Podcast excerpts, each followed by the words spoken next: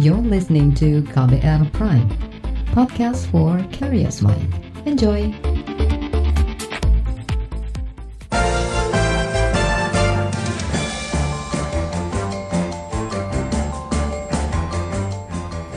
Selamat sore saudara, kembali kami menjumpai Anda melalui program Buletin Sore KBR untuk hari ini Jumat 21 Februari 2020 bersama saya Fitri Anggreni. Dan saya Agus Lukman, saudara kami telah menyiapkan sejumlah informasi terkini di antaranya KPK menghentikan puluhan penyelidikan kasus korupsi. Presiden memastikan Indonesia punya peralatan memadai mendeteksi titik kebakaran hutan.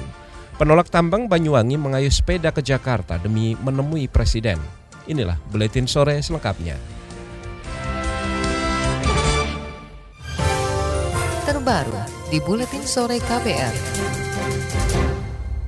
Saudara Komisi Pemberantasan Korupsi menghentikan 36 perkara dugaan korupsi di tahap penyelidikan. Penghentian penyelidikan itu sejak ke Januari hingga Februari. Juru bicara KPK Ali Fikri mengklaim penghentian proses penyelidikan puluhan kasus dugaan korupsi itu untuk memberikan kepastian hukum. Menurutnya penghentian proses penyelidikan perkara juga dikarenakan KPK tidak memiliki alat bukti permulaan yang cukup. Nah, ketika kemudian tidak ditemukan bukti permulaan yang cukup setelah proses penyidikan tersebut, maka untuk menjamin adanya kepastian hukum tentu kemudian dihentikan. Juru bicara KPK Ali Fikri menyebut tahun ini jenis penyelidikan kasus yang dihentikan cukup beragam, yaitu terkait dugaan korupsi oleh kepala daerah, pejabat BUMN, aparat penegak hukum, pejabat kementerian atau lembaga, hingga anggota DPR dan DPRD. Ali mengklaim KPK bisa membuka kembali perkara-perkara itu jika nanti ada fakta-fakta baru. KPK juga memastikan kasus mega korupsi seperti bantuan likuiditas Bank Indonesia BLBI dana talangan Senturi dan RS Sumber Waras tetap dilanjutkan. Komisi Hukum DPR meminta KPK transparan kepada publik mengenai penghentian penyelidikan terhadap 36 perkara dugaan korupsi. Anggota Komisi Hukum DPR dari fraksi Partai Demokrat Didik Mukrianto mengkritik KPK yang tidak menerangkan kepada publik mengenai proses hukum yang sudah ditempuh, termasuk apakah KPK sudah melakukan gelar perkara atau belum. Ya itu salah satu bagian mekanisme yang harus dijalankan oleh KPK gitu ya. Kalau saya hanya ingin menyoroti bahwa seberapa terbuka, seberapa transparan kemudian KPK untuk melakukan sebuah proses, seberapa jujur KPK kemudian menyampaikan kepada publik terkait dengan keputusan-keputusan mereka yang strategis. Sepanjang KPK mengambil langkah itu didasarkan kepada sebuah transparansi dengan akuntabilitas yang cukup, informasi yang mengalir kepada masyarakat, saya berpikir masyarakat juga bisa memahami langkah KPK dan bukan hanya eh, spekulatif. Anggota Komisi Hukum DPR Didik Mukrianto mengatakan dengan KPK tidak terbuka kepada publik maka wajar jika masyarakat mempertanyakan keseriusan KPK periode saat ini dalam upaya pemberantasan korupsi. Bekas pimpinan Komisi Pemberantasan Korupsi KPK menyebut ada mekanisme yang harus dipenuhi jika KPK hendak menghentikan penyelidikan suatu satu kasus korupsi. Bekas Wakil Ketua KPK Saud Situmorang mengatakan peraturan itu tertuang dalam KUHAP yang aturan teknisnya disusun dalam standar operasional prosedur atau SOP. Penghentian penyelidikan kata Saud merupakan hasil pengajuan tim penyelidik kepada pimpinan KPK betul bahwa memang ada juga yang namanya penghentian penyelidikan. Tapi ada prosesnya, proses itu diawali udah keyakinan penyelidik, kemudian penyelidik menyampaikan laporan kepada pimpinan, kemudian pimpinan membahas. Pengembangan penyelidikan itu didiskusikan, tapi pada bagian lain dia langsung itu ke meja pimpinan, harus kita membaca, kita proses. Nah kalau lima pimpinan sepakat ya sudah, kemudian itu penyelidikan tidak dilanjutkan. Tapi selalu dengan pertimbangan kalau ada perkembangan dia akan ditindaklanjuti, itu disimpan. Bisa saja suatu saat itu berkembang. Gitu. Bekas Wakil Ketua KPK Saud Sitomarang mengatakan Undang-Undang KPK hasil revisi mengharuskan KPK menyusun SOP baru terkait teknis penyelidikan. Sementara di KUHAP tidak ada perubahan pengaturan mekanisme penghentian penyelidikan perkara. LSM pemantau korupsi ICW menduga penghentian perkara sebanyak 36 dugaan kasus yang ada di tahap penyelidikan dilakukan secara sepihak oleh Komisi Pemberantasan Korupsi KPK. Peneliti ICW Wana Alamsa mengatakan kecurigaan itu muncul karena KPK tidak terbuka kepada publik apakah sebelumnya telah melakukan gelar perkara atau belum.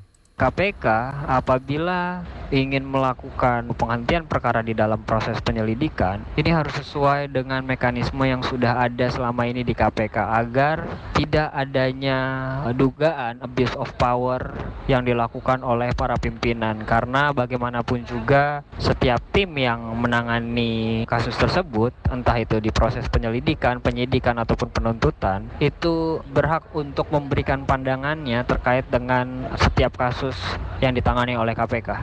Peneliti ICW Wana Alamsa mempertanyakan latar belakang penghentian 36 kasus oleh KPK di tingkat penyelidikan. Apalagi di masa dua bulan KPK dipimpin Firly Bahuri, jumlah perkara yang dihentikan di tingkat penyelidikan sudah mencapai puluhan kasus. ICW juga khawatir ada konflik kepentingan KPK dengan penegak hukum yang berkaitan dengan kasus korupsi karena ketua KPK saat ini Firly Bahuri masih memiliki jabatan di kepolisian. ICW menduga ke depan akan semakin sedikit kasus korupsi yang ditangani KPK bahkan mungkin tidak menyasar tokoh-tokoh yang memiliki kewenangan yang tinggi. Selanjutnya saudara kita simak informasi olahraga. KPR Sport. Winger Real Madrid Gareth Bale dipulangkan ke rumah dari sesi latihan setelah diketahui mengidap penyakit atau flu perut. Menurut sejumlah laporan, Zinedine Zidane memulangkan Bale agar mantan pemain Tottenham Hotspur itu tidak menularkan penyakit tersebut kepada rekan timnya. Selain Bale, striker yang direkrut Madrid di bursa transfer awal musim, Luka Jovic juga ikut dijauhkan dari Sergio Ramos dan kawan-kawan karena mengalami masalah yang sama. KPR Sport timnas angkat besi masih bisa menambah perolehan tiket menuju Olimpiade 2020 melalui lister Denny di kelas 67 kg. Pasalnya, Denny masih memiliki dua event untuk memperbaiki peringkat dunianya di IWF. Dua event tersebut yaitu kejuaraan angkat besi di Rumania dan kejuaraan Asia. Lister yang berhak tampil di Olimpiade hanya yang berada di delapan besar. Sementara saat ini, Denny berada di peringkat 13 dunia. Saat ini, angkat besi Indonesia dipastikan sudah mengalami mengantongi dua tiket ke Olimpiade 2020. KPR Sport. Informasi lain, saudara, mengenai Mahkamah Agung yang tidak akan mencampuri penanganan kasus korupsi yang melibatkan bekas pimpinan MA, maksud kami bekas sekretaris Mahkamah Agung Nur Hadi. Informasi selengkapnya akan kami hadirkan usai jeda berikut tetaplah bersama Buletin Sore. You're listening to KBR Pride, podcast for curious mind. Enjoy!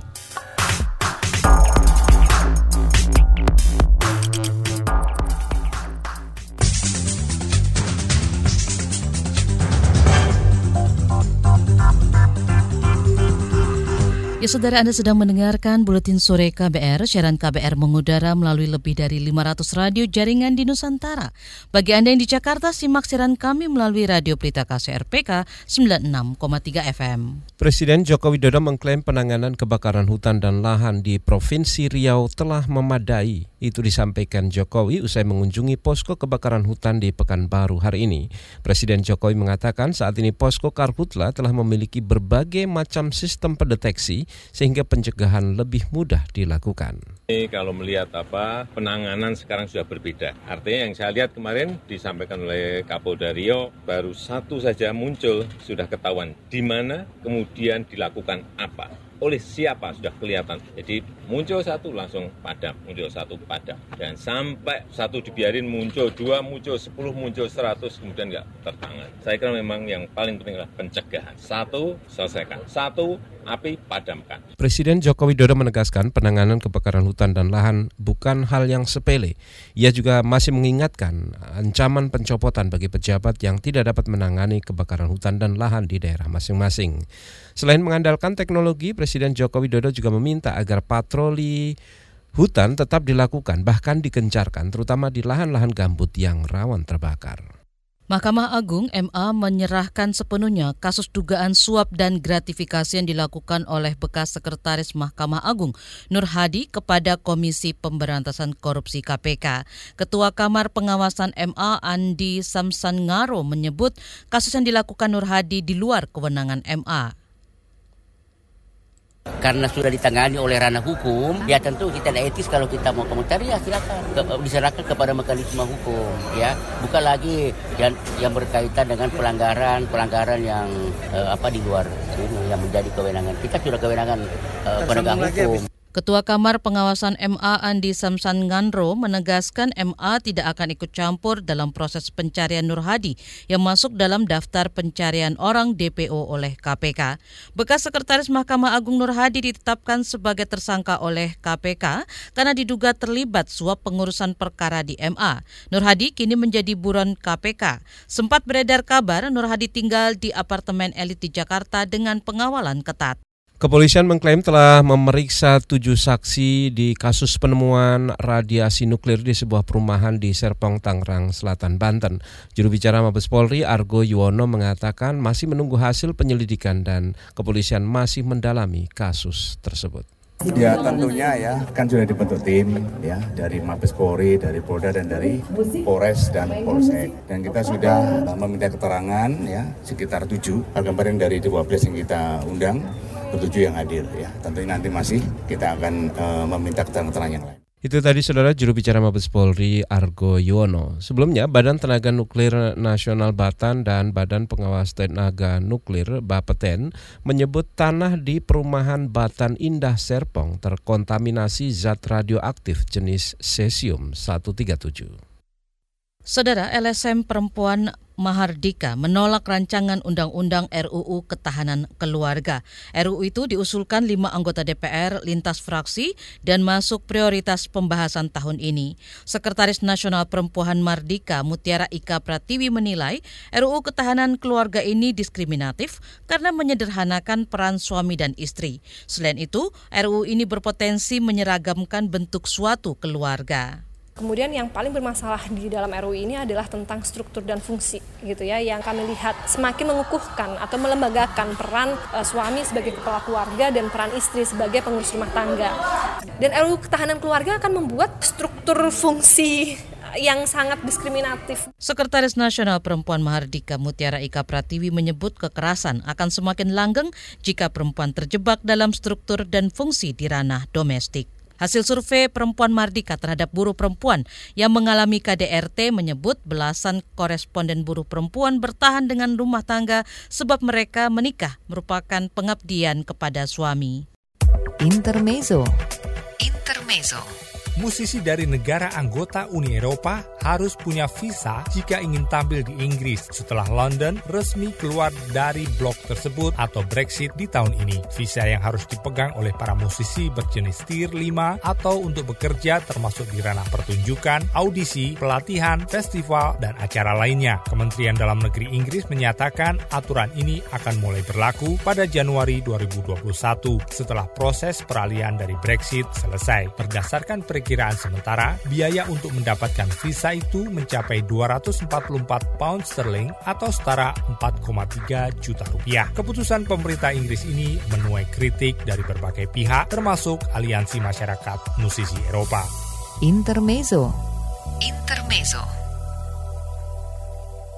Rubrik Saga mengenai atlet Down Syndrome akan kami hadirkan usai jeda berikut tetaplah bersama Buletin Sore.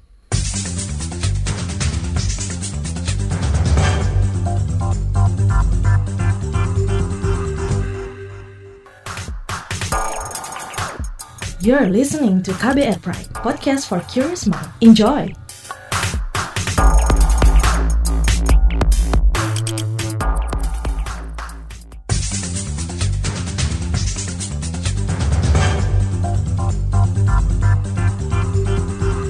Terima kasih Anda masih mendengarkan Buletin Sore dan saatnya kita menyimak Saga KBR. Berdasarkan hasil riset kesehatan dasar Kementerian Kesehatan, pada 2010 prevalensi Down Syndrome tercatat 0,12 persen. Angka ini meningkat menjadi 0,13 persen pada 2013. Anak dengan sindrom Down pada dasarnya tetap memiliki potensi sama dengan anak-anak lainnya. Sayangnya stigma sosial kerap mereka hadapi dalam keseharian. Reporter KBR Astri Septiani mengajak Anda berkenalan dengan Ferdi Ramadan, salah satu atlet Down Syndrome. Nama saya Beci Bakal untuk juga satu. Suara yang baru saja Anda dengarkan adalah Ferdi Ramadan. Adi, begitu ia biasa dipanggil. Dengan ramah dan senyuman lebar, ia memperkenalkan diri. Adi adalah anak dengan Down syndrome Ibunda Adi Ernim Ilyas bercerita, Adi difonis memiliki Down syndrome pada usia 2 tahun. Setelah saya difonis Adi Down syndrome, saya sangat bingung, kacau, dan dihantui dengan ketakutan gimana ke depannya Adi. Tapi di dalam hati kami tidak tinggal begitu saja, saya harus kuat demi Adi dan kakaknya. Barulah Adi saya ajak uh, melakukan speed terapi, fisioterapi, dan terapi pijat kayak terapi bicara. Di bangku sekolah, Adi menunjukkan minat besar pada olahraga.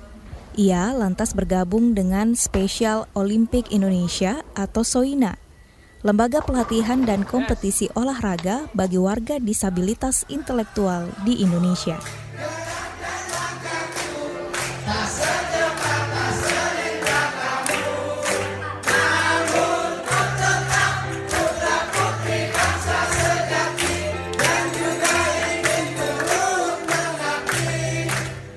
Sederet prestasi di berbagai cabang olahraga, baik nasional maupun internasional, ditorehkan oleh Adi.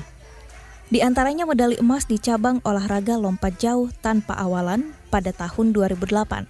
Di tahun yang sama, Adi meraih medali perak dari cabang sepak bola saat mengikuti ajang Special Olympic Australia Junior Games. Maret lalu, Adi juga berlaga mewakili Indonesia untuk cabang olahraga bowling pada ajang Special Olympic World Games 2019 di Abu Dhabi.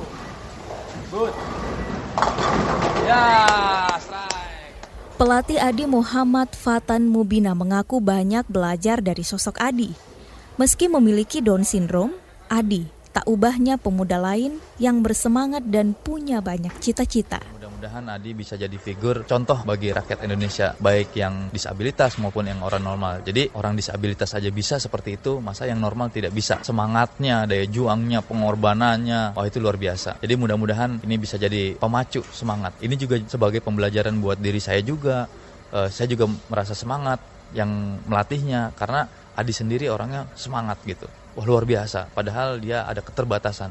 Tapi kita yang normal ini, kita jangan putus asa justru malah. Justru bisa harus lebih semangat dari mereka. Tak sampai di sana, prestasi Adi terus berlanjut di bidang pendidikan.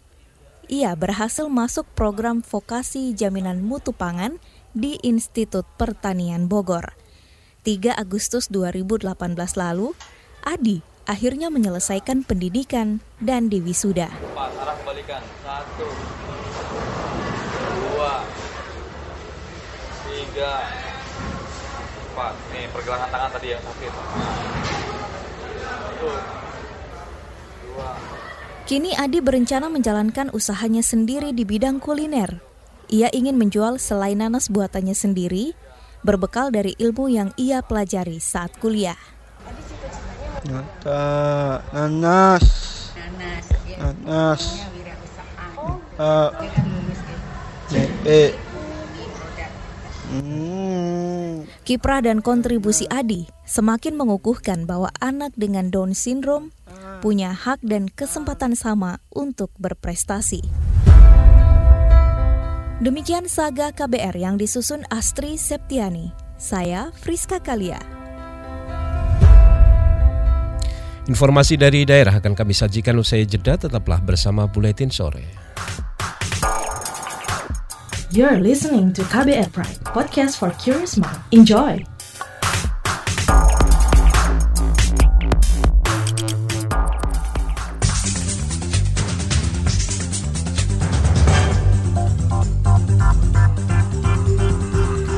Ya saudara inilah bagian akhir dari Buletin Sore KBR. Kita ke Jawa Timur, Saudara. Puluhan warga desa Sumber Agung, Banyuwangi, Jawa Timur melakukan perjalanan ke Jakarta dengan mengayuh sepeda. Mereka merupakan warga penolak tambang emas Gunung Tumpang Pitu. Para warga itu bergerak ke Jakarta setelah kecewa karena saat mendatangi kantor Gubernur Jawa Timur tidak ditemui Gubernur Kofifah Indar Parawansa. Koordinator Aksi Kayu Sepeda Tolak Tambang, Usman Raudal mengatakan mereka akan melakukan aksi tolak tambang emas Gunung Tumpang Pitu di depan Istana Merdeka. Warga menuntut Presiden Jokowi memerintahkan Menteri Lingkungan Hidup dan Kehutanan RI mencabut izin pertambangan emas di kawasan Gunung Tumpang Pitu dan sekitarnya. Hari ini tetap ke kantor gubernur, kita akan mengadakan khataman di sana. Sebagian uh, melakukan perjalanan ke Jakarta ingin mengadu kepada Jokowi. Tujuannya meminta pencabutan izin PTDSI maupun PTDSI ke Presiden. Koordinator Aksi Tolak Tambang Emas Gunung Tumpang Pitu Usman Raudal menambahkan, tidak semua warga yang menolak tambang ikut melanjutkan perjalanan mengayuh sepeda ke Jakarta. Sebagian warga masih tetap bertahan di depan kantor Gubernur Jawa Timur hingga Gubernur Kofifah menemui dan mengabulkan permohonan mereka. Kita ke Jawa Barat, saudara. Program Studi Sastra Indonesia di Universitas Pajajaran menggelar kuliah jarak jauh melalui live streaming untuk 23 mahasiswanya yang berasal dari Tiongkok.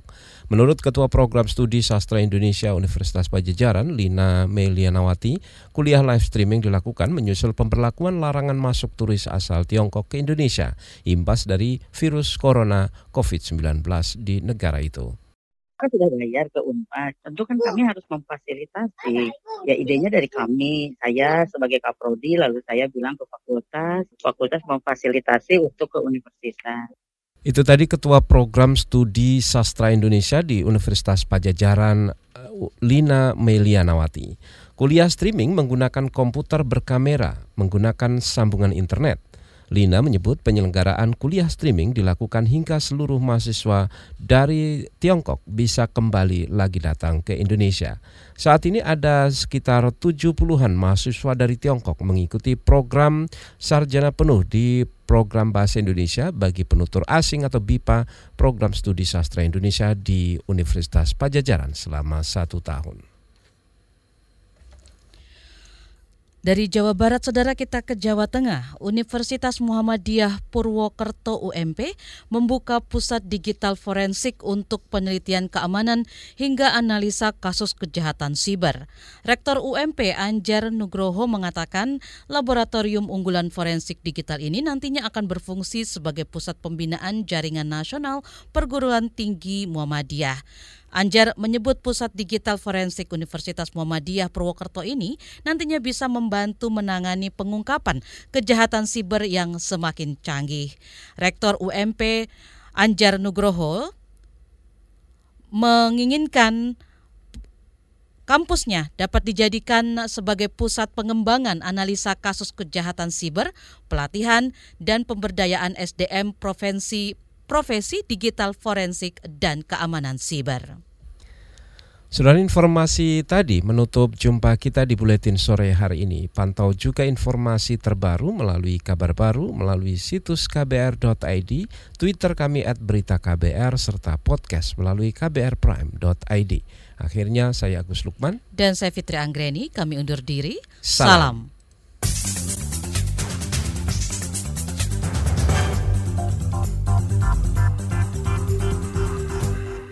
KBR Prime, cara asik mendengar berita. KBR Prime, podcast for curious mind.